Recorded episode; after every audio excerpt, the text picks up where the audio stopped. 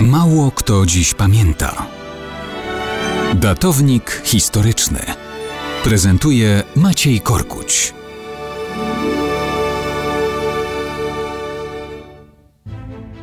Mało kto dziś pamięta, że równe 420 lat temu, 20 października 1600 roku, nadeszły ciężkie chwile dla Michała Walecznego.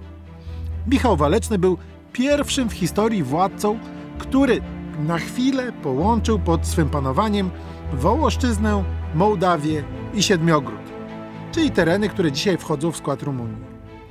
Tron gospodara Wołoszczyzny zawdzięczał tureckim zwierzchnikom, ale dążąc do samodzielności, szybko wdaje się z nimi w wojnę. Odnosi wiele błyskotliwych sukcesów militarnych. Umiejętnie wykorzystuje układy z węgierskim władcą Siedmiogrodu Zygmuntem Batorym. Po wielu ciężkich walkach utrzymuje władzę.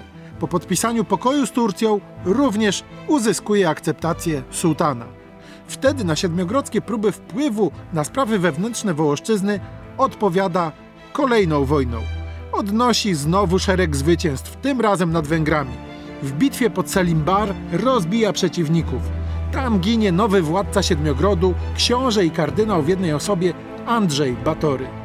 Michał Waleczny korzysta z sytuacji, obejmuje tron siedmiogrodzki. W tym czasie w Mołdawii rządzi wspierany przez Polskę ród Mochyłów. Michał decyduje się na uderzenie zbrojne na Mołdawię. Odnosi sukcesy, opanowuje wiele miast, ale nie wszystkie. Mimo to wiosną 1600 roku po raz pierwszy ogłasza się gospodarem Wołoszczyzny, Siedmiogrodu i Mołdawii. Ale było to chyba za dużo naraz. W Siedmiogrodzie od razu wybucha węgierskie powstanie, które rozbija wojska Michała Walecznego w walnej bitwie. Michał traci Siedmiogród zaledwie po kilku miesiącach panowania.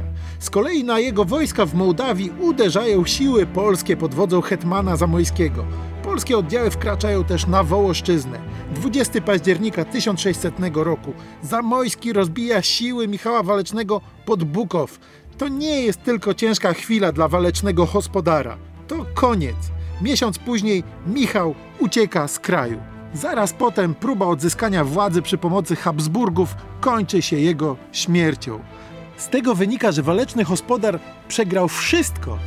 Zaraz potem, jak osiągnął zbyt wiele naraz.